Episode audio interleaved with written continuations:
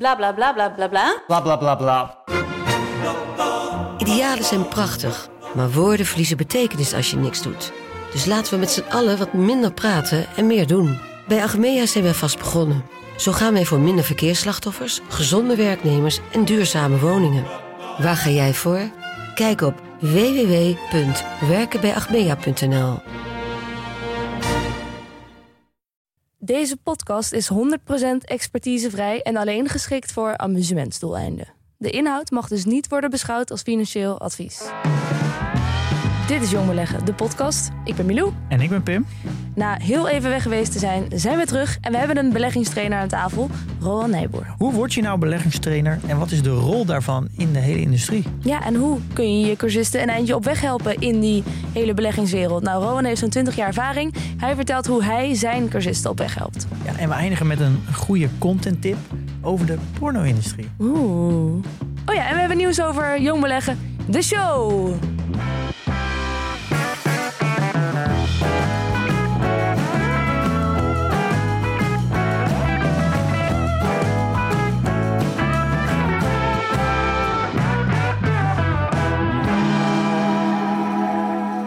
Van vakantie en meteen lekker weer de studio in met een onbekend gezicht. Maar wel een bekende stem, misschien voor velen, want je hebt een eigen podcast.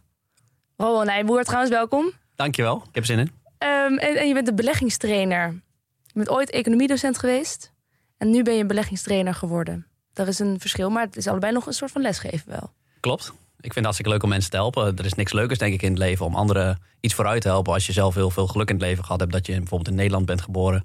Warren Buffett heeft het wel eens over de baarmoederloterij. Als je in zo'n rijk land geboren bent. Wat je kan doen is eh, teruggeven aan de wereld. En dat vind ik leuk om mensen te helpen. Maar waarom heb je dan die economieklasse achter je gelaten? Ja, dat, ik mis dat soms wel een beetje. Ik ben pas vorig jaar voor het laatst met uh, twee dagen de heet ik nog gestopt. En ik, ik, mis het, ik mis het wel een beetje. Want dat een leerling je aan het eind van het jaar een hand geeft, een student. Ja, dat geeft zo'n dankbaar en voldoenend gevoel. En uh, nu help ik mensen die geld hebben nog meer geld maken. Vind ik ook hartstikke leuk. Maar is van een iets ander orde niveau. Ja, en zijn natuurlijk volwassenen. Nou goed, we gaan straks met jou in gesprek. Waar ik eerst nog even op terug wil komen. Vorige aflevering hadden we het over een evenement voor vrienden van de show. Nou jongens, er is goed nieuws. Het is voor iedereen. Ja. Iedereen mag komen kijken naar onze voorstelling in de kleine komedie op 29 oktober. Uh, om, vanaf twee uur. Ja, op zaterdag. Ja. Jong beleggen, de show. Jong beleggen, de show. Wat dus gaan nu, we doen? Uh, wat gaan we doen? Ja, we gaan ja, een, een heel vullend programma. Ja. Een uh, mini-podcast, een show panelgesprek en nog iets van muziek, theater misschien wel. Misschien gaan we zelfs die kant op. Ja. En natuurlijk aansluitend een uitgebreide borrel. Ja, dat is misschien nog wat allerleukste. Hè? Kom je ook, Rowan? Ik ben erbij. Hoi. En nu zijn de kaarten voor iedereen te bestellen. Ja. Dus, uh, op de website, in de show notes, linkje naar dekleinecomedie.nl. En dan kan je dus nu ook de kaarten bestellen als je niet vriend van de show bent. Ja. Wees er wel snel bij, ja. want op is op. Ja, er zijn al veel kaarten naar vrienden van de show gegaan. Dus uh, ja, ik denk wel inderdaad dat je een beetje vaart moet maken. Um, nou, dat. Uh, en dan gaan we nu beginnen met Rowan Nijboer. Wat gaan we doen? Zeg het maar. We willen de hele de beleggingsindustrie een keer documenteren. Dat is eigenlijk ja. iets wat ik zelf heel leuk vind, omdat het ja, dan is het misschien over 10 jaar, 20 jaar nog steeds relevant. Uh, en zo moet je af en toe eens een uitstapje maken. En uh, ik denk de beleggerstrainer is iets wat je steeds meer ziet opkomen. Je ziet steeds meer cursussen overal, uh, van steeds meer advertenties nu. Ik denk als je Instagram opent, dan zie je nou non-stop advertenties. ik denk dat het goed is om eens een beleggerstrainer aan te worden die het, vind ik, correct doet. Mhm. Mm -hmm. en om daar eens over hebben van hoe beoordeel je dat nou? En ja, wat, zijn nou, wat maakt nou een goede beleggerstrainer? Ja. Uh, daar kwam ik dus eigenlijk automatisch bij uh, uit. Het is voor het eerst dat ik over de term hoor. Maar wat is eigenlijk een beleggingstrainer precies? Iemand die mensen helpt met beleggen. Ja. En zie je jezelf meer als een trainer of als een coach? Coach. Ja, dat vind ik leuker. Maar wat, wat is het verschil precies ja, in jouw definitie? Nou, ik denk bij trainer zou je zeggen... dan zou het misschien meer... werk je in iemands skill, maak je echt iemand beter. En bij een coach ben je veel meer ook bezig met iemands emotionele toestand zijn complete gemoedsrust. Je bent meer mensen aan het, in de breedte aan het helpen. Uh, want het kan natuurlijk zo zijn dat iemand een cursus volgt. En uiteindelijk blijkt dat diegene eigenlijk beter niet kan beleggen. Of niet in de vorm die jij dan leert. Ja. Komt dat wel eens voor? Ja, ja zeker. Ik, ik denk dat ik vroeger meer een trainer was. En als ik jouw definitie gebruik en nu meer een coach ben. Omdat ja, voor mij is 50% is onderzoek doen naar bedrijven. Maar 50% is ook mindset. En daar wil je, daar wil je mensen bij helpen. Want ja, jullie, je, hebt, je hebt dat boek uh, Psychologie van Geld ook gelezen van Morgan Ja. Housel. Ja, we allebei. Ja. En eh, ja, daarin zegt hij eigenlijk ook, ja, als je begint met beleggen, wat weet je zeker dat er komt? Een aantal crisissen voor de komende 20 jaar. Dat gaat gebeuren. En nu zitten we eigenlijk dit jaar in een soort van eh, mini-crash. En nu wil iedereen een soort van stoppen. En mensen maken zichzelf gek. En dat is, eh, ja, dat is heel pijnlijk. Maar als je daar op mensen gaat gewoon bevragen, dan kunnen ze daar rust in vinden. Ja, we weten allemaal hoe belangrijk het is. Het hele mentale stuk achter het beleggen. En hoeveel alles eigenlijk om psychologie gaat. Misschien nog wel meer dan het beoordelen van bedrijven. Ja, want eh, als je voor 30 jaar gaat beleggen, wat wij allemaal gaan doen, je hoeft maar één keer op til te slaan en je zet alles op, eh, Ja. zet alles op het spel. Ja, je Ja. kan je hele rendement... Dat is wel eh, grappig dat ik. Was van het weekend bij een, eh, een expositie, een kunstexpositie. En, daar, en dan vraag je, praat je met mensen, valwaardig en vooral oudere mensen. Vraag je, nou, wat doe je? Ik ben podcast maken, nou, een heel verhaal en dan beleggen. En dan krijg je echt vooral van de mensen die een beetje 60, 70 zijn. Dan krijg je allemaal een verhaal van ja, ik deed dat vroeger ook. Maar dat is 20 jaar geleden Oh, ben ja. gestopt. Ik, Ja. ja. Echt allemaal. En die, ik ben zoveel geld verloren. Je, ziet, je hoort toch best wel veel dat, dat iedereen het wel gedaan heeft. Maar dat best wel vaak mensen zijn gewoon gestopt omdat er een, eh, een, ja, een keer een goede crash is geweest. Of ze hebben geld verloren. Eh, dus ik denk dat het, het volhouden, gewoon je hele leven, misschien wel de grootste uitdaging is. Ja, Charlie Munger zegt: eh, de the first rule of compounding is to never interrupt it. Gewoon door Ja. laten gaan. En iedereen heeft een oom of zo die dan een naverhaal heeft gehad met beleggen. Of ja, als je net op 1 januari bent begonnen dit jaar, dan, ja, dan, dan denk je: ik ga misschien nooit meer beleggen. En dat zou echt doodzonde zijn. Mhm. En ook, het is ook een beetje afhankelijk op welke manier van beleggen kom je terecht. Als je gaat googlen op beginnen met beleggen, waar kom je dan uit? Ga je, kom je op daytraden uit? Of eh, een bepaalde technische analyse of fundamentele analyse? Ja. Warren Buffett kwam bijvoorbeeld eerst op technische analyse uit. En die heeft eigenlijk later gezegd, ja, dat heeft eigenlijk zo'n groot deel van mijn leven verspeeld. Wist ik het maar eerder en kwam ik maar eerder op die fundamentele analyse, oftewel Ja. waarde beleggen. Ja, ja nee, wij, wij weten natuurlijk als geen ander ook hoe het is als je nu wil beginnen met beleggen. Pim, ja, jij kon gewoon niet vinden waar je heen moest. Er is gewoon zoveel informatie.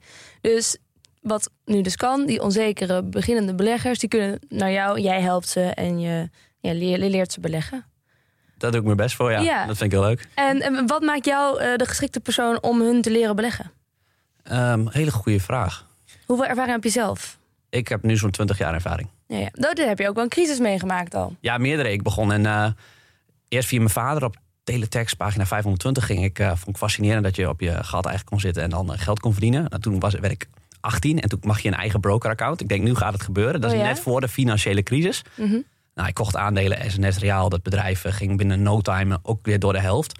En dat triggerde heel erg mijn interesse. En ik maar ik weet ook nog dat ik verlamd door angst werd. En op de een of andere manier heb ik toen niet verkocht of gestopt. En het triggerde iets in mijn interesse. En eh, toen is de reis eigenlijk begonnen. Van, toen wilde ik weten, hoe zit dit nou eigenlijk? Ja, maar bij jou was het dus niet... Kijk, jij had best wel een klap tegen dan, lijkt me. Ja. Jij dacht toen niet, ik stop ermee. Ik wil hier niks meer van weten. Maar jij dacht juist, ik duik erin.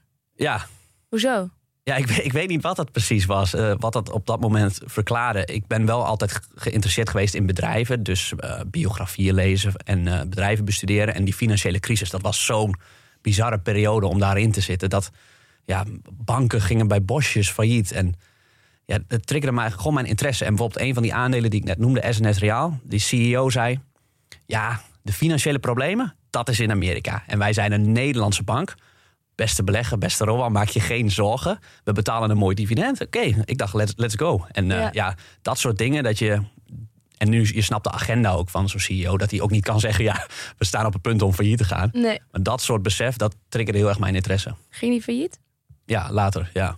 ja, mijn vader had daar zijn enige belegging in. En die is alles kwijtgeraakt.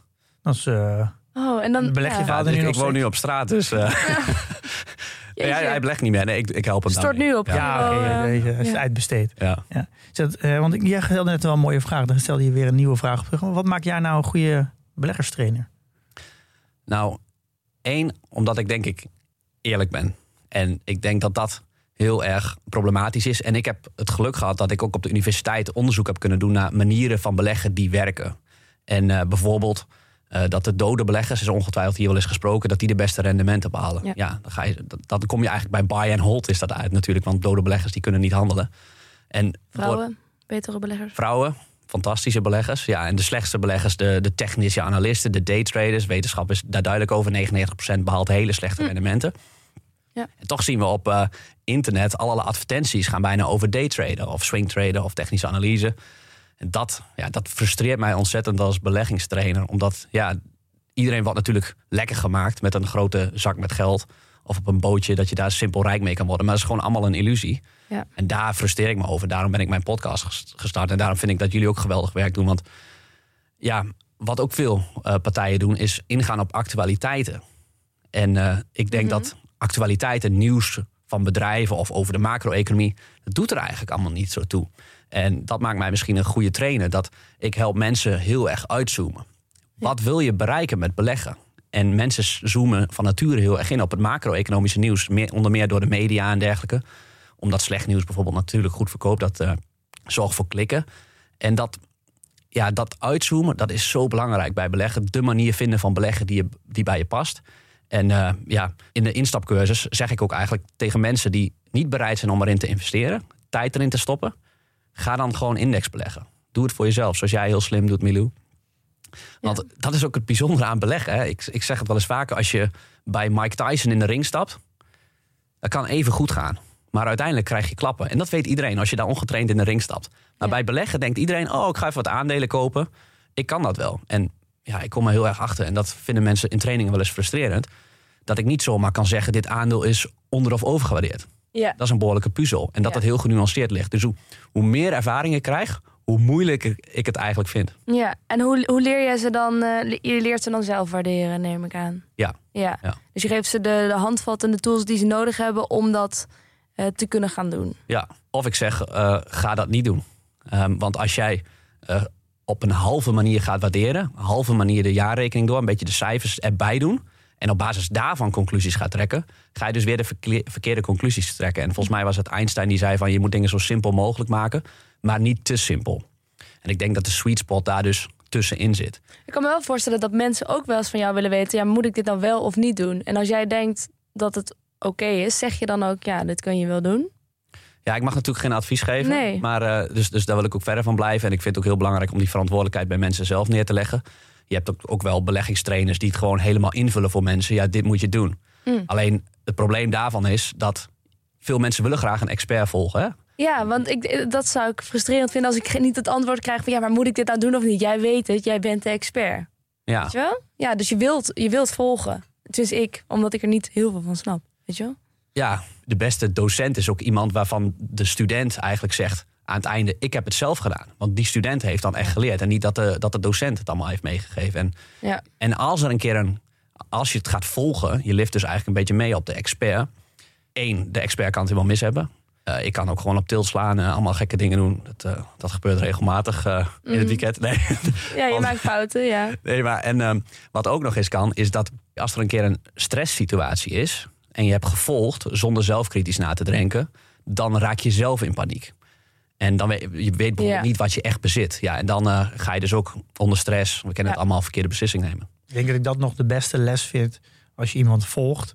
Is dat dus ge- helemaal geen probleem om je te laten inspireren door iemand. Maar als je dus uiteindelijk iets koopt waar je niet goed begrijpt wat je doet, dan zit je, ben je echt aan, aan het zwemmen. Je verdrinkt gewoon. Je weet eigenlijk niet precies wat je moet doen. Want het aandeel zakt, maar je weet eigenlijk niet waarom je het nou gekocht hebt. En wat, je nou, wat die dadelijk nou voor effect heeft op het bedrijf. Het is heel moeilijk als je mensen volgt. Dus eh, ik denk dat dat misschien wel een van de belangrijkste Ja. dingen is. Als je je laat inspireren door anderen. Dat, dat, dat je altijd wel eens is begrijpt wat je koopt. Want je gaat gewoon in paniek raken als het Ja. naar beneden gaat. En eh, waar wij het ook vaak over hebben, is dat je toch fouten moet maken om te leren beleggen. Dan kan ik me wel voorstellen, kijk, als jij trainer bent en jij helpt mensen en zij maken vervolgens fouten, komt het dan wel eens voor dat ze je verantwoordelijk houden? Dat ze zeggen van ja, maar jij had me moeten behoeden voor deze fout, nu ben ik eh 100 euro verloren. Ja, dat, dat is nooit leuk om te horen. Maar eh, ja, ik probeer dus in trainingen mensen heel erg te wijzen op hun verantwoordelijkheid. En dan gewoon te zeggen, ja, dit is eigenlijk allemaal gewoon educatie en entertainment. Ehm, ja, ik probeer dat vooral een beetje terug te geven. Ik heb daar wel begrip voor, want het voelt natuurlijk hartstikke kloten. En ik hoop dat de mensen zelf de les daaruit halen. Van de volgende keer ga ik niet zomaar naar iemand luisteren. Ja, Heb je, heb je wel eens een mismatch in verwachting? Eh, dat iemand denkt, nou ik kom bij jou bijvoorbeeld om op korte termijn te leren beleggen. En dat het in die training blijkt dat, het, dat je misschien nog wel een paar jaar nodig hebt. Ja, ik, voor, voor, eh, voor zo'n VIP-training die we vroeger hadden, dan vraag ik altijd van tevoren van welke verwachtingen qua rendement heb je? En soms eh, denken mensen 20% per jaar. zo. En dat denk ik, ja, dat vind ik ambitieus. Dat gaat, dat gaat niet lukken, lukken. Want dat zou betekenen, zeker als je dat 10, 20 jaar lang hebt, dat je de, waarschijnlijk de beste belegger ter wereld bent. Ja, wat maakt dat jij met misschien een baan er zelfs naast dat, dat gaat behalen? Dat kan alleen door extreme risico's te nemen en alles in één aandeel te stoppen, wie weet. Maar dat is, ja, dat is zo gevaarlijk. En dus dat, dat is dan denk ik zo'n ding wat jij bedoelt dan op de korte termijn. Ja, lijkt dat misschien zo, want je bent net begonnen en toevallig ging het in 2020 en 2021 eigenlijk hartstikke goed. Dus dan heb je die verwachting in je anker. Het is ook heel erg afhankelijk van in welk tijdperk iemand geboren is, welke verwachtingen ze van beleggen hebben. Ja, dat weten we. Dat hebben we in de psychologie van geld uh, inderdaad. Dat onze ouders in een generatie opgroeiden waar rente natuurlijk nog een ding was. En dat je niet per se hoeft te beleggen. Ook misschien wel omdat je gewoon rente op je spaargeld ontvingt. Als wij nu willen zorgen dat we koopkracht behouden... dan moeten we bijna wel gaan beleggen. Omdat door inflatie alles gewoon minder waard wordt. Ja, ja. exact dat. En uh, wat voor soort, uh, wat voor type mensen komen er bij jou langs? Veel ondernemers. Ja? Veel ondernemers. Ja, ondernemers zijn deels een beetje eigenwijs. En die willen controle hebben op hun eigen situatie. Dus die willen hun beleggingen eigenlijk ook zelf doen. Deels natuurlijk door de financiële industrie... die het in het verleden eigenlijk allemaal uh, verprutst heeft. Waar ik eigenlijk onderdeel van uitmaak. Maar waar ik me best wel een beetje voor schaam. Maar, uh, Sorry, waar schaam je dan precies? Nou, het beroep loodgieter, daar heb je rotte appels. Maar per saldo helpen ze mensen. Ja. En de financiële industrie, en dan heb ik het over de, de grote banken en dergelijke... die pakken per saldo meer dan dat ze geven aan klanten. Ja. En dat is overal in elke sector, denk ik, waar veel geld in omgaat.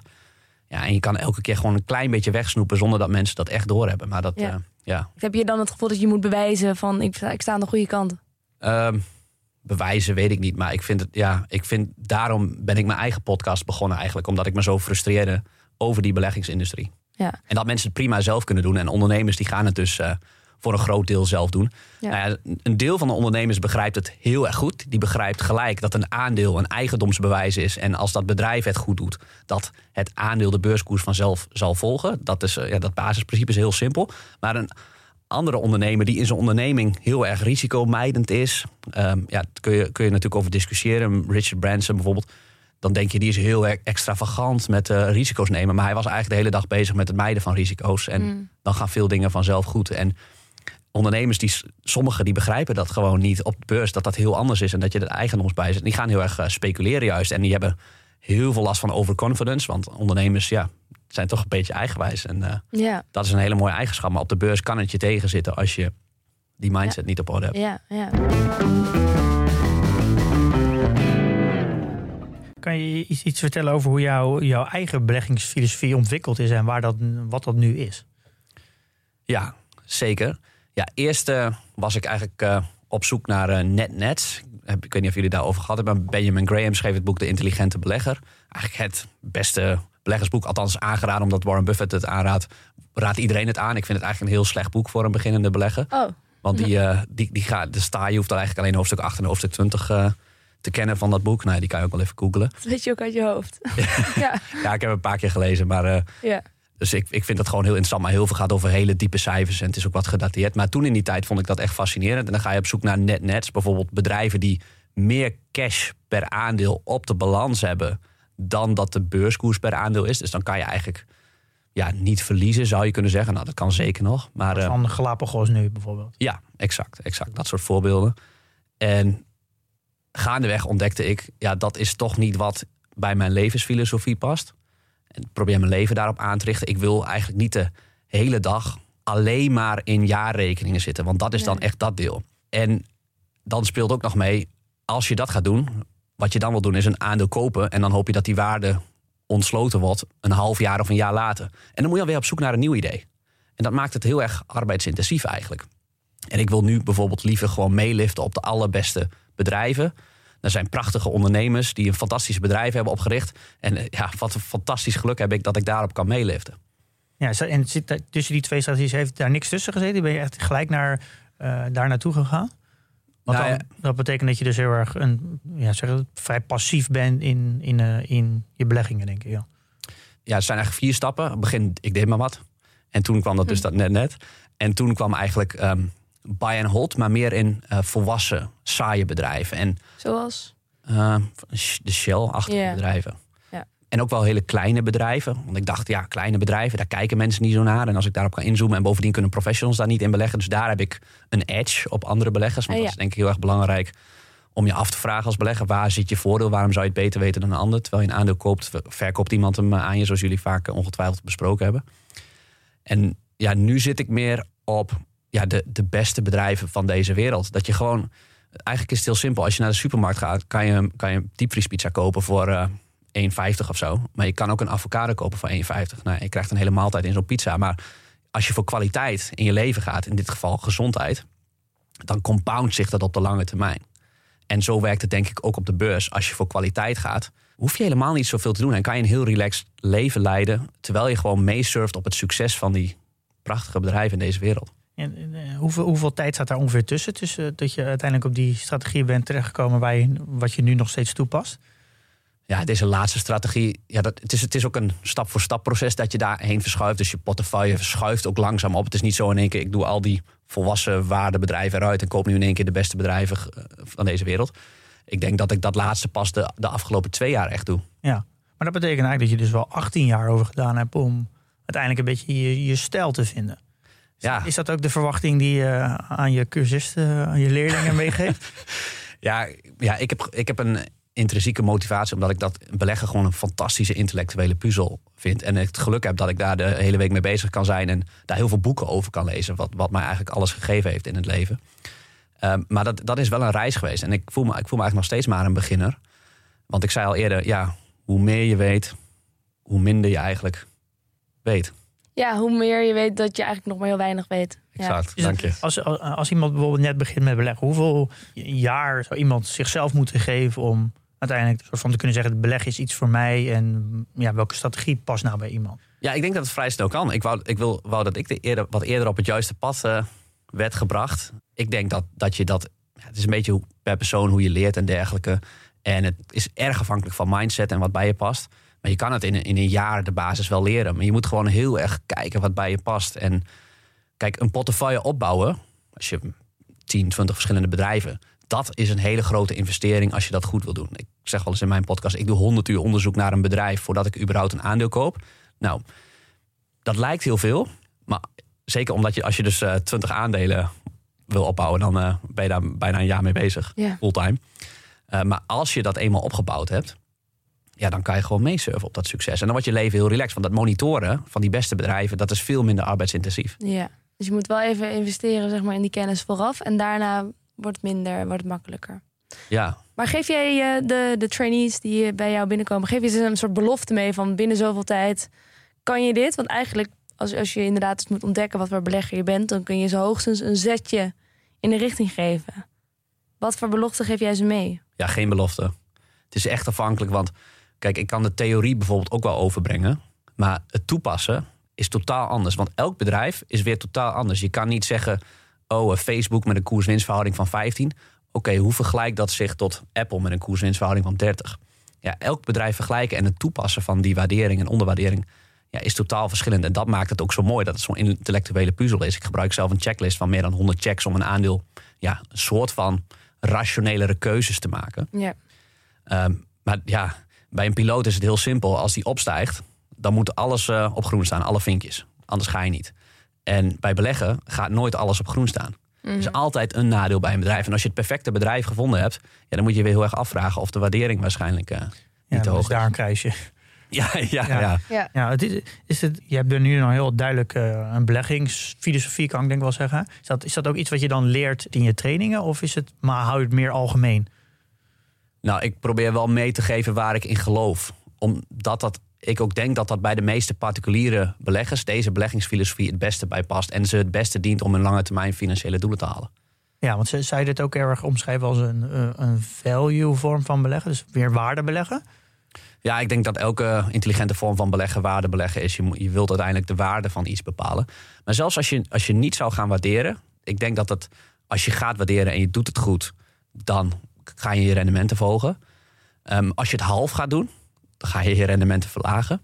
Um, wat je dan beter kan doen, is bijvoorbeeld niet gaan waarderen. Dus wel goed waarderen of niet waarderen, maar het niet half gaan doen. Want als je het niet, niet gaat waarderen en je koopt blind de 20 beste bedrijven op deze planeet, aangestuurd door een founder met een groot aandelenpakket, een sterke competitieve positie, dan zul je, denk ik, de index verslaan op de lange termijn. Omdat kwaliteit overal beloond wordt. Dus, dus eh, meer gewoon fundamentele analyse. Dat vanuit dat perspectief een portefeuille samenstellen en heel lang vasthouden. Ja, en dat is dan uh, key, ja, dat je dat lang vasthoudt. Zelfs als die bedrijven overgewaardeerd zijn. Ja, want als je die portefeuille dan 10 of 20 jaar vasthoudt, op de lange termijn maakt overwaardering een stuk minder uit. Op de korte termijn maakt het best wel veel uit. Op de lange termijn gaat het om de prestaties van het bedrijf. En je kan best een uh, behoorlijke overwaardering. Ik weet niet of jullie ooit van de Nifty 50 gehoord hebben. Die aandelen uit de jaren 60, dat Coca-Cola en dergelijke, dat soort superbedrijven toen.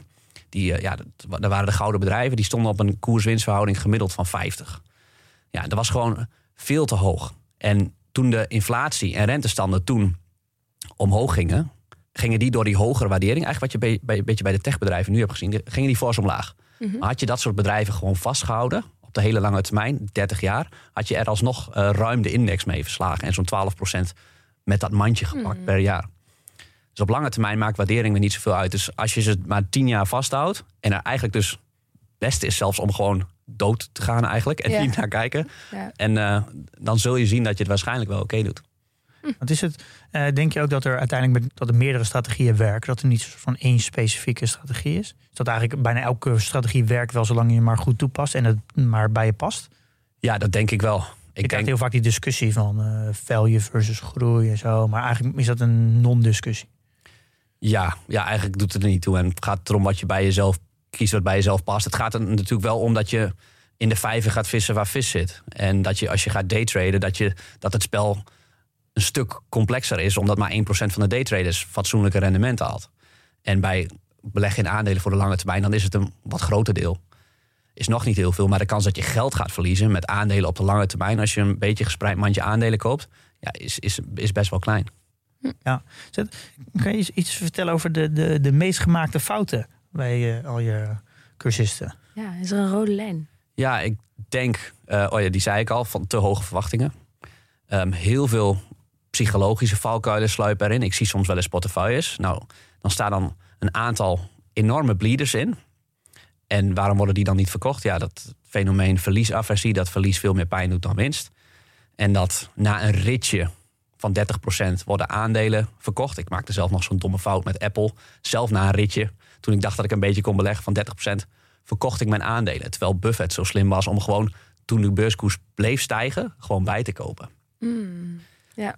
En uh, ja, veel gemaakte fout is ook wel focus op actualiteiten. Een soort recency bias eigenlijk. De recente veel zwaarder laten meewegen. En gewoon echt daarin zitten en inzoomen. En ja, dat is, dat, dat is dodelijk voor je rendement op de lange termijn. Het is natuurlijk wel extreem moeilijk om, om niet bezig te zijn met het nu. Want je, waar je ook bent, je, je krijgt alleen maar het nu naar je toe geslingerd. Ja. Hoe doe jij dat om daar van weg te blijven? Zeg je, eh, heb je thuis geen, uh, geen krant, geen internet? gewoon uh, alleen maar boeken? Nou, ik heb heel, heel bewust mijn abonnement bij het FD bijvoorbeeld opgezegd. Omdat als je de FD's van een half jaar geleden terug gaat lezen, dan denk je, waar hebben we ons toen druk over gemaakt? Het is allemaal, het is allemaal voorbij.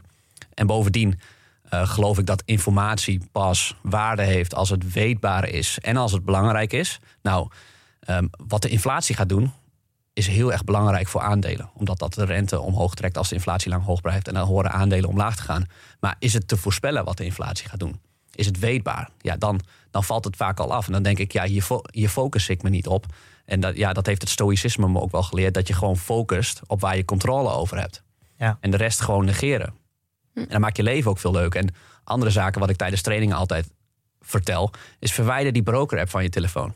Want het is gewoon een verslaving. Op een gegeven moment ga je zo vaak op een dag inloggen. om dat dopamine shotje te halen. Als het goed gaat, lekker. Dan geeft het eventjes een goed gevoel. Maar eigenlijk word je nog verslaafder aan dat gevoel. Oh ja. En als het slecht gaat, ja, dan gaan mensen wat minder inloggen. Ja, ik zeg ook wel eens, dan moet je juist inloggen om die pijn te voelen. En te beseffen ook dat op dat moment het allemaal niet zo erg is. Hm. En dat je je lange termijn doel, dat je voor 20 jaar belegt, maakt echt niet uit. Gisteren ging de beurs nog uh, 4, 5 procent omlaag. Geloof ik, een van de slechtste dagen sinds uh, lange tijd. Ja. ja, dat moet voor veel mensen heel veel pijn hebben gedaan, die inloggen. Maar heel veel zien dan al ergens op het nieuws, oh de beurs gaat heel slecht. Dus ik ga me niet inloggen, want dat gaat pijn doen. Maar ga, ga die pijn nemen. Is niet leuk, maar... Net als dat een koude douche gezond is, is ook niet leuk. Maar het is wel goed voor je. Ja, goed voor je energierekening. En goed voor je energierekening, dat natuurlijk ook. en dit zijn natuurlijk wel gouden tijden voor iedereen die zich bezighoudt met uh, beleggen. Uh, vooral met beleggers helpen, omdat natuurlijk een enorme toestroom is geweest. Er is natuurlijk ook een opkomst dan geweest van influencers. Hoe onderscheid je je van anderen? En we zeiden het net ook al, sommigen hebben een beetje een negatief stempel. Die schermen met enorme rendementen. Hoe, hoe zorg je dat je je daarvan onderscheidt? Nou, bijvoorbeeld door vooral mijn fouten te delen die ik heb gemaakt de afgelopen 20 jaar. En online zie je eigenlijk alleen maar dingen die goed gaan. Mhm. Ja, dat, zo, volgens mij werkt het niet zo. En uh, ja, ik denk dat je mensen echt helpt door mijn fouten te delen, zodat anderen die wat minder maken. Ik kan me ook voorstellen als jij jezelf profileert met... ik heb heel veel fouten gemaakt. Dat je denkt van nou, ik denk dat ik even een andere beleggingstrainer ga uitzoeken. Ja, maar dan past dat type mens misschien ook niet bij mijn training. Nee. En dat is, dat is dan prima. Ik krijg heel vaak de vraag van... kun je niet een cursus daytraden of een cursus opties of een cursus turbo's? Ja. ja, dat gaan we niet doen, want het is schadelijk voor de, voor de klant uiteindelijk.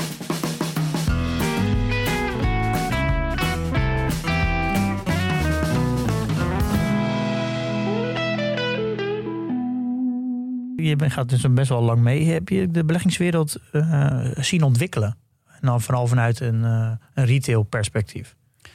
Nou, je ziet natuurlijk wel ontwikkelen dat uh, er steeds meer bijvoorbeeld brokers komen met nul transactiekosten. Nou ja, dan moet je natuurlijk afvragen of dat echt gratis is. Dat is vaak niet zo. Ik denk zelfs dat het schadelijk is voor klanten. Het was beter als een aandeel kopen 50 euro transactiekosten met zich meebracht, minimum. Want dan denk, gaan mensen dus niet zo snel handelen. Ja, maar dan verlaag je wel erg de instap voor jonge beleggers. Natuurlijk. Ja, dat, dat, dus de kunst is dan inderdaad om het beste van beide werelden te vinden. Om daar niet vatbaar voor te zijn voor die lage transactiekosten. En dan gewoon uh, wel lage transactiekosten, maar wel kopen en houden. Ja, en is, is dat eigenlijk, zijn er nog andere dingen die, die echt heel erg zijn veranderd? Is, heeft een particuliere belegger nu meer voordeel nu dan, dan 10 of 20 jaar geleden? Is het, is, is het beter geworden? Nou, ik denk dat je als je ver terugkijkt, dat een particuliere belegger een ontzettend nadeel had. Omdat je, ja, een professional gaat wel bij het bedrijf langs. En als particulier is dat gewoon een stuk lastiger om met het management te spreken of eh, door de fabriek te lopen en dergelijke. En nu is dat uh, een stuk minder, omdat eigenlijk alle communicatie online is. En zijn die, die oprichters waar ik het over had, die geven ook heel vaak interviews in podcasten. Dus eigenlijk is het speelveld veel groter. En er zijn particuliere beleggers die het eigenlijk zichzelf te moeilijk maken. Dat is weer die quote van Einstein. Je moet het simpel maken, maar ook niet te simpel. Enkele particuliere beleggers maken het zichzelf heel moeilijk. Die komen met uh, eh, discounted cashflow sheets aan van, van 20 uh, eh, pagina's en dergelijke. En dat doen professionals ook. En ik denk dat dat ook verkeerd is. Want als professional wil je natuurlijk ook zo slim mogelijk bezig zijn. En je wil niet alleen maar tien jaar lang in hetzelfde bedrijf zitten. Want ja, waarvoor doe je anders de hele tijd je werk? Je wil op zoek naar het nieuwste, slimste idee. En dat, daarom draaien professionals gemiddeld ook best wel slechte rendementen. Omdat ze de slimste van de klas willen zijn. En het is natuurlijk een ander, ander perspectief. En wat mij opvalt is dat een passionele particuliere beleggen die er echt voor gaat, echt, echt van een fantastisch uh, niveau is. En daar ook goede rendementen mee kan behalen. Ja, dus of je, op je vraag terug te komen, het is nu beter voor particulieren. Het is echt veel beter. Alhoewel de markt wel veel efficiënter is dan 20 jaar geleden. Dus het wordt denk ik veel moeilijker om de markt te verslaan in de toekomst. Ja, dat vond ik dus ook wel opvallend aan uh, als je de rendementen kijkt van de grote beleggers. Die hebben vooral hun grote rendementen gemaakt in de jaren 50, volgens mij 60, 70. En ja, ik kan me bijna niet voorstellen dat er nu nog beleggers zijn na 2000 die zo'n gigantische outperformance gaan halen over, over een periode van 10, 20 jaar. Soms gaat het gewoon echt over een outperformance van gewoon 10% per jaar. Dat is echt, ja, dat, dat kan me gewoon, ik kan echt niet voorstellen dat er nu nog beleggers zullen zijn die dat na 2000 nog steeds hebben gedaan. En ook alle beleggers die dat, de grote beleggers, die hebben ook bijna geen outperformance meer gehaald. In, de, in een tijd wanneer het, ja, in de digitaliseringstijd eigenlijk. Klopt, ja. Ja, en zelfs ook Warren Buffett, de eerste jaren pakte die 20, eh, 30 procent per jaar over performance. En ja, we vergeten nog, natuurlijk zullen er wat zijn met 10 procent over performance, want er is een soort survivorship bias. Gewoon degene die toevallig ook een tijdje geluk hebben gehad of in één aandeel zit wat keer 100 gaat, ja, dan uh, outperform je natuurlijk wel lekker. Maar het, ja, het, wordt steeds, uh, het wordt steeds lastiger. Ja, maar denk je niet dat steeds meer dat die outperformance verschuift naar, uh, naar de niet-beursgenoteerde bedrijven? Dat eigenlijk die succesbeleggers het veel beter doen? Bedoel je dan uh, dus de, venture capital? Ja, ja, venture capital of angel investors. Beetje die, en dat zijn natuurlijk de beleggers die, die heel anoniem zijn. Die, die, ja, die, die, die praten nooit over hun performance. Ja, het is natuurlijk een, dat is een veel minder efficiënte markt. En in minder efficiënte markten is het gewoon makkelijker outperformen. Zo simpel is het. Ja.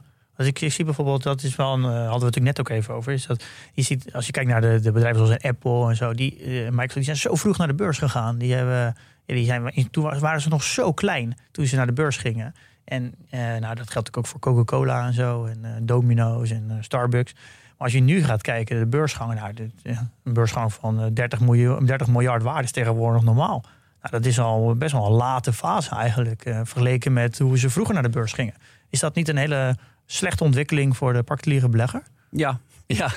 Ja, nee, dat klopt. Daar heel veel van de waarde is eigenlijk dus al ontsloten voordat het bedrijf naar de beurs gaat. Dus wat je zegt, ja, dat, dat is een groot nadeel. Maar ik denk toch dat de runway van sommige bedrijven, ook een bedrijf met een market cap van 30 miljard, um, in deze digitale wereld, exponentiële wereld, voor sommige bedrijven, het gaan echt maar weinig zijn. Ik weet, professor Bessenbinder zeg ik ook wel eens, dat onderzoek dat maar 4% van alle beursgenoteerde bedrijven zorgen voor al het rendement. Dus hoe kan je die 4% vinden? Maar die 4% die hebben wel een hele lange runway van 10, 20 jaar om nog heel veel groter te worden. En de kunst is denk ik om die te vinden. Ja, en hoe, hoe kijk jij terug tegen, er zijn natuurlijk, eh, als we naar de beleggerswereld wordt altijd over gekeken naar wetenschap en er wordt altijd gekeken naar uh, data van 100 jaar terug. En daar, wordt, nou, daar moeten we dus nu ook dit doen, omdat het in het verleden heeft laten zien. Is dat, hoeveel waarde hecht jij daaraan? Ja, niet zoveel. Ja, ik heb op de universiteit mijn scriptie ging over Joel Greenblatt. Ik weet niet of jullie er wel eens van gehoord hadden. Jazeker. En je heeft dus, je hebt International Finance gestudeerd in Groningen. Ja, en uh, ik, mijn scriptie ging dus over die uh, magic formula van hem testen in, uh, in crisissen. Of dat dan extra goed zou werken. Um, dat bleek insignificant, de resultaten. Dus daar doe je een heel onderzoek en dan kan, dan kan hij in de prullenbak. Maar goed, maar ik vond het wel wel fascinerend. Want die Magic Formula heeft dus fantastische rendementen laten zien. Doordat je op de knop drukt en gewoon elk jaar dezelfde aandelen koopt via een magische formule. Best wel iets logische gedachten zit erachter. Dus ik dacht, vond dat fascinerend. Maar de afgelopen tien jaar werkt dat eigenlijk niet meer. En dat kan zo destructief zijn voor je, voor je rendement. Waardoor je eigenlijk uit ja, heel veel dingen uit het verleden niet meer wat aan hebt. Mhm. Sommige dingen wel, bepaalde, bepaalde basisconcepten of bepaalde mentale modellen, die, die werken misschien altijd. Maar heel veel niet. En, en wat voor concepten bedoel je dan bijvoorbeeld? Nou, bijvoorbeeld de beurs heeft over de afgelopen 200 jaar 7% circa na inflatie gedaan. Per jaar. Ondanks ja, natuurlijk ups en downs en wereldoorlogen, uh, wereldepidemieën inmiddels. Um, dus dat is iets van hoe zit dat nou? Ja, dat komt omdat bedrijven eigenlijk gewoon elk jaar gemiddeld 7% meer waard worden. Is er een aanleiding om aan te nemen dat dat stopt? Ja, ik, ik denk het niet. Dus dat zal zich waarschijnlijk voortzetten. Nou is het natuurlijk wel zo ja, dat... we hopen het. Uh, ik, ik ben hier wel bij gebaat. Als dit uh, zo doorgaat. Nou ja, ik reken er eigenlijk ook een beetje op. Ja, ja het, het kan natuurlijk dat het niet zo is dat we een of andere nucleaire ramp krijgen... wat dodelijk is voor aandelen. Maar dan gaan we verder niet Alle aandelen zijn omgekomen.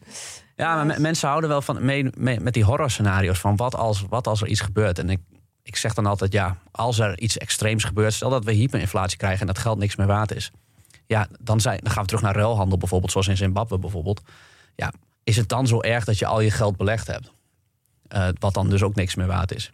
Dan maakt dan geld zijn, hebben überhaupt niet Geld maakt dan niet meer uit, nee. Wel, maar bitcoin misschien weer wel. Ja, jongens, nou, weet je het maar nooit. Je, durft het gewoon te noemen. hey, uh, nou, je hebt een hele, de, gaf je een hele duidelijke belegging, uh, filosofie. En dat heb je dus recent ook in een, uh, in een boek verwerkt. Prachtig boek overigens. Kan je daar wat over vertellen? Waarom ben jij überhaupt een boek gaan schrijven? Nou, op de eerste plaats ben ik gewoon. Ik, ik heb zelf 500 boeken gelezen. Ik ben die schrijvers allemaal zo dankbaar dat ze zoveel aan mij gegeven hebben. Ik dacht, ja, ik wil dat ook. Dat lijkt me ook wel stoer om dat terug te geven aan mensen. En toen dacht ik, uh, ik wil dat in mijn leven een keer. Maar toen dacht ik dit voorjaar, ja, waarom ga ik dat niet gewoon nu doen? En toen heb ik dat geschreven. Ja, en kan je wat vertellen over, de, over, over het boek? Wat, wat... Aandelen selecteren als een pro. Ja, wat, wat, wat staat erin? Wat kan je verwachten? Nou, op de eerste plaats al mijn fouten van de afgelopen 20 jaar. We hebben heel veel praktijkvoorbeelden, want mensen vinden dat vaak moeilijk. Ja, van alle theorie, dat kennen we wel uit de boekjes, dat kan je overal vinden.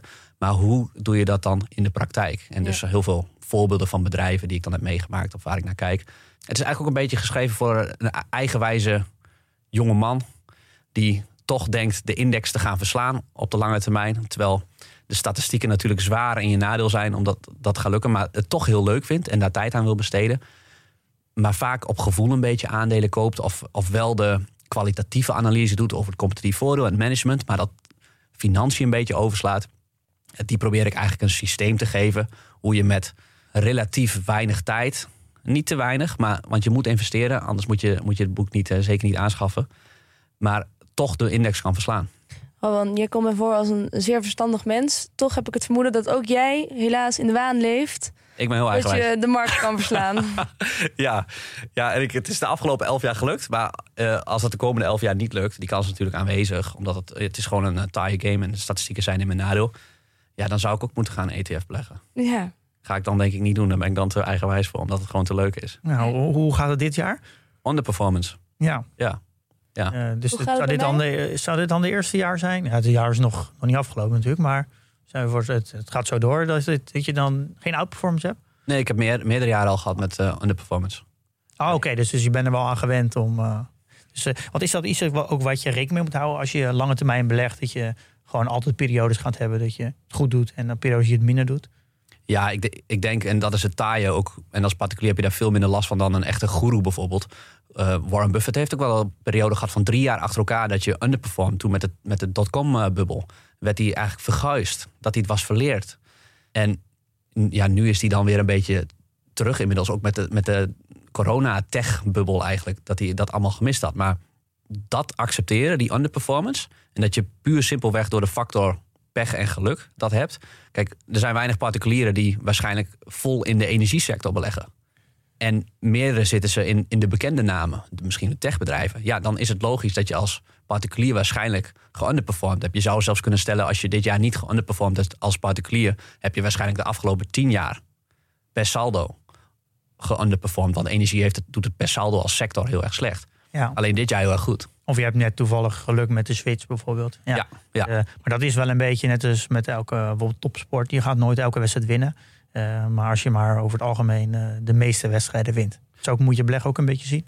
Ja, dat is, het, dat is het mooie aan beleggen. Bij mij gaan vaak drie op de tien bedrijven eh, niet zoals ik had verwacht.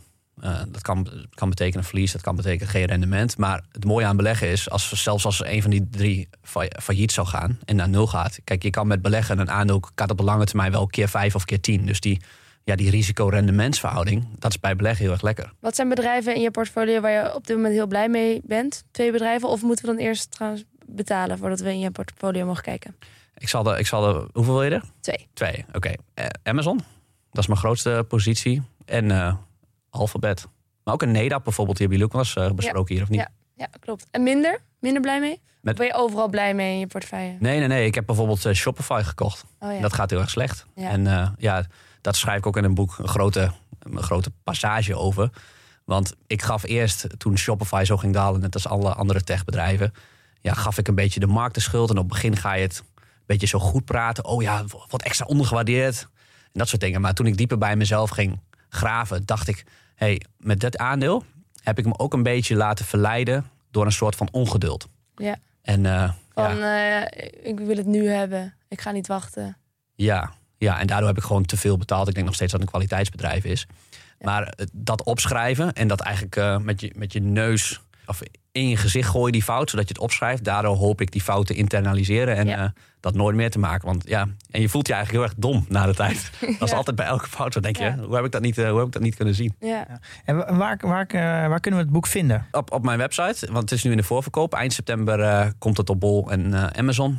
En eh, mijn website roelnijboe.nl. En dan vind je het wel. PDT-update.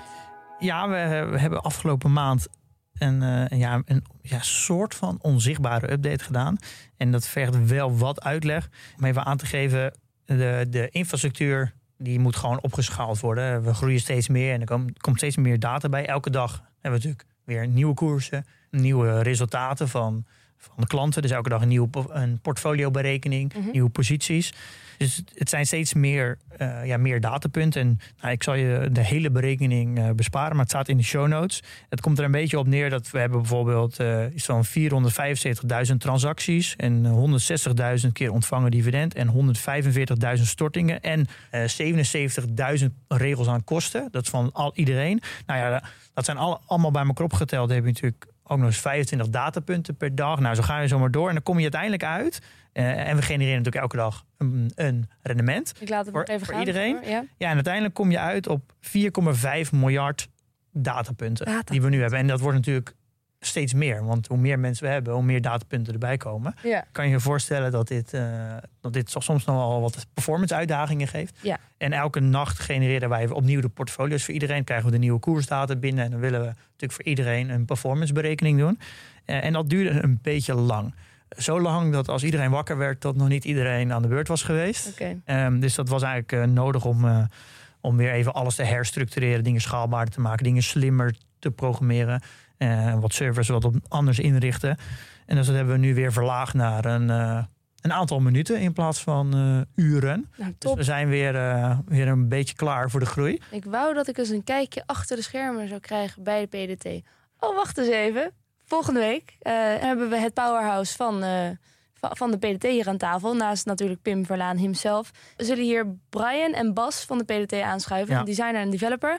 Om uh, te vertellen hoe ze dit allemaal doen. Ja, krijgen we even meer uitleg hoe dit nou werkt. Ja, dan snap je ook weer beter hoe een softwarebedrijf werkt. Ja, dus ja, dan gaan we iets... en we gaan een beetje een bruggetje bouwen naar hoe... Ja, waarom is een cultuur nou zo belangrijk? Ja. Voor ja, in een softwarelandschap. Ja. Wat is de complexiteit en hoe geef je dingen door naar disciplines? Dus dat gaan we met een hele goede designer en een hele goede developer bespreken. Ik ben heel benieuwd. Portfolio. Ik heb geen, uh, geen update. Oké, okay, ik ook niet. Jij? Nee, drie uh, dode beleggers volgens mij. Drie dode beleggers hier aan tafel. Is er dan misschien wel nog een content tip? Ja, ik heb wel een hele leuke, die heb ik tijdens mijn vakantie geluisterd. En dat is Hot Money. Uh, van uh, de Financial Times. Is het een podcast of is het een... Ja, dat is een podcast. En ja, het gaat over de porno-industrie. Schrik niet. Het, gaat nou, het, is, heeft daar niks, het heeft daar niks mee te maken met het onderwerp aan zich. Maar het is dus heel interessant. Het is dus een van de grootste industrieën. Ook het internetverkeer is, bijna, is voor het groot gedeelte bijna alleen maar porno. Wat? Dat geloof ik niet. Ja, het is echt zo. Daar komt ook bijna ook alle innovatie vandaan. Daar zijn ze dus bijvoorbeeld heel erg al mee met experimenteren met VR en AR. Uh, er, komt, er komt heel veel uit het leger en uit de porno-industrie. Uh, en het, er is dus een, uh, een, een journalist, Patricia Nilsson. En die heeft de vraag gesteld: wie zou nou eigenlijk de eigenaren van al die websites? Het zijn vaak in de top 10 van grote websites, staat vaak die grote porno-websites. En zij heeft daar onderzoek naar gedaan. En, zij, en dat is, iedereen probeert dat te verbergen. En zij komt eigenlijk steeds meer verrassende dingen tegen. En daarvan één is, is bijvoorbeeld Visa en Mastercard. Nou, dat zijn twee partijen die we allemaal kennen. Eigenlijk dicteren zij gewoon de porno-industrie. Huh? Ik wil niet te veel verklappen, maar in grote lijnen bepalen zij wat er voor porno wordt uitgezonden. Okay. Ja, dat is heel dat klinkt heel gek, maar uh, ongeveer 10 tot 15 procent van al de uh, transaction value uh, van Visa is uit de porno-industrie in 2000. Dus dan begrijp je ook hoe belangrijk dat is. En als je dus ook naar de beetje gaat onderzoek doen naar Mastercard en Visa, dan zie je namelijk een, in een jaarrekening ook een heel groot onderdeel van. Ik weet niet hoe ze dat noemen, maar er staat iets van. Ja, ze definiëren niet wat het is. En ja, volgens mij komt dat een heel groot gedeelte uit de porno-industrie. En eigenlijk, ja, als je natuurlijk geen betalingen kan innen, dan kan je dus ook niks verdienen. Dus dat, en daardoor zijn Visa en Mastercard zo uh, bepalend in die industrie. Uh, en Bill Ackman, de, nou, de bekende hedge fund manager, nou, heeft daar eigenlijk zelf niks te maken met de industrie, maar die is, wordt ook geïnterviewd. En die heeft even zijn druk uitgeoefend in die industrie. Om zijn, ja, zijn connecties te gebruiken om dingen te bewegen. Maar zij is uiteindelijk achtergekomen wie de eigenaren zijn. Uh, Kennen we ze? Uh, nee, nee, ik ken ze niet. Maar dit, en, die, sommige okay. wel, en sommige oude eigenaren die het weer verkocht hebben, die zijn ook geïnterviewd. En het geeft ook een beetje aan uh, hoe zo'n succespartijen geld ophalen en tegen welke rentemarges dat doen. Soms gewoon zo'n 20, 30 procent aan rente per jaar. Mm. Ik vind het echt een, ja, het is voor me achtdelig, zes of achtdelig. Ja, ik vond het heel interessant. Het geeft ja. ook wel echt aan wat de macht van Visa en Mastercard is. Dat, Hemeltje. Uh, nou, dat klinkt spannend. Ik ga dat wel luisteren, denk ik. Nee, een heel goed stukje onderzoeksjournalistiek, wat heel leuk ja, verteld de Financial Times, hè? Ja, en okay. samen met de Pumpkins Industry, dat is een podcastbedrijf in Amerika, die heeft dat heel goed geproduceerd. Zeker een aanrader. Hot Money, oké. Okay. Ik heb ook nog een podcasttip. Uh, beleggen met Rowan Nijboer. Van Rowan Nijboer. Van Rowan Nijboer. Ja. Met? Ja. Rowan Nijboer. Rowan Nijboer. We hebben een aantal marketingbureaus laten nadenken over, de, over een originele naam. Maar ja, uh, hier kwamen ze mee. Nee. Mooie, mooie vondst. Ik snap wel, daar heb je natuurlijk goed geld voor betaald. Mag ik ook nog een tip geven? Ja, tuurlijk. Nou, ik ken de PDT goed. En daar zit een functie in dat je je echte rendement kan berekenen. En dat vind ik echt fantastisch, want beleggers denken vaak dat ze een veel hoger rendement hebben gehaald dan dat ze daadwerkelijk behalen. Mhm. Mm. En hier word je eigenlijk heel goed daarmee geconfronteerd of je nou goed doet of slecht doet. Als je het slecht doet, moet je misschien wat aanpassen. En als je goed doet, meer van hetzelfde doen. En dat is echt iets fantastisch. Dus ik denk dat dat voor elke particuliere belegger een geweldig product is. Nou. Het is niet ingestudeerd trouwens hoor. Nee. Dankjewel. Ja. Uh, en jij ja, ook bedankt dat je dus de gast wilde zijn uh, in deze aflevering. Volgende week gaan we het hebben over de PDT dus, wat ik net al eventjes zei. En wat allemaal, hoe dat, hoe dat gebouwd wordt. Hoe gaat het proces van idee tot product. Uh, hoe werkt nou zo'n softwarebedrijf? Is ook informatief over. Misschien vind je ja? het wel zo interessant dat je een carrière switch gaat doen naar designer of developer. Denk je? Ja, het is een fantastisch beroep. Ja, nou, ik laat me verrassen. Uh, dus dat volgende week. En in de tussentijd, jongens, investeer in je kennis. Een beleg met beleid.